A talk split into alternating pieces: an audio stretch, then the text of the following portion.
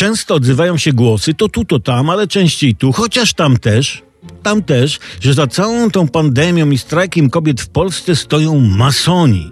Chodzi o to, że oni chcą objąć władzę nad światem poprzez zmniejszenie ludności, dezorganizację państw i wszczepienie nam w szczepionkach na koronawirusa, którego sami zresztą wytworzyli, chipów do kontrolowania człowieka wynalezionych przez Billa Gatesa. Tak to się mniej więcej, słuchajcie, w skrócie przedstawia. Z jednej strony to budujące, że za tym stoją masoni, bo jakiś plan w tym całym zamieszaniu niby jest. Ale też jest to w sumie przykre, że ci masoni tak wrednie kąknują, kombinują.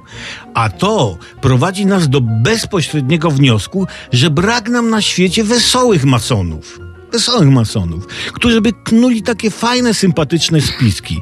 Na przykład poprzez swoich agentów mogliby podrzucić pod drzwi każdemu obywatelowi no na przykład Finlandii albo Arabii Saudyjskiej prezenty na Boże Narodzenie. No, śmig na cały świat. Wszyscy wtedy mówili, o w mordę misia, Mikołaj naprawdę istnieje. O, albo na 1 listopada poprzestawiać na grobach zniczej lampki tak, żeby nie stały symetrycznie. Nie?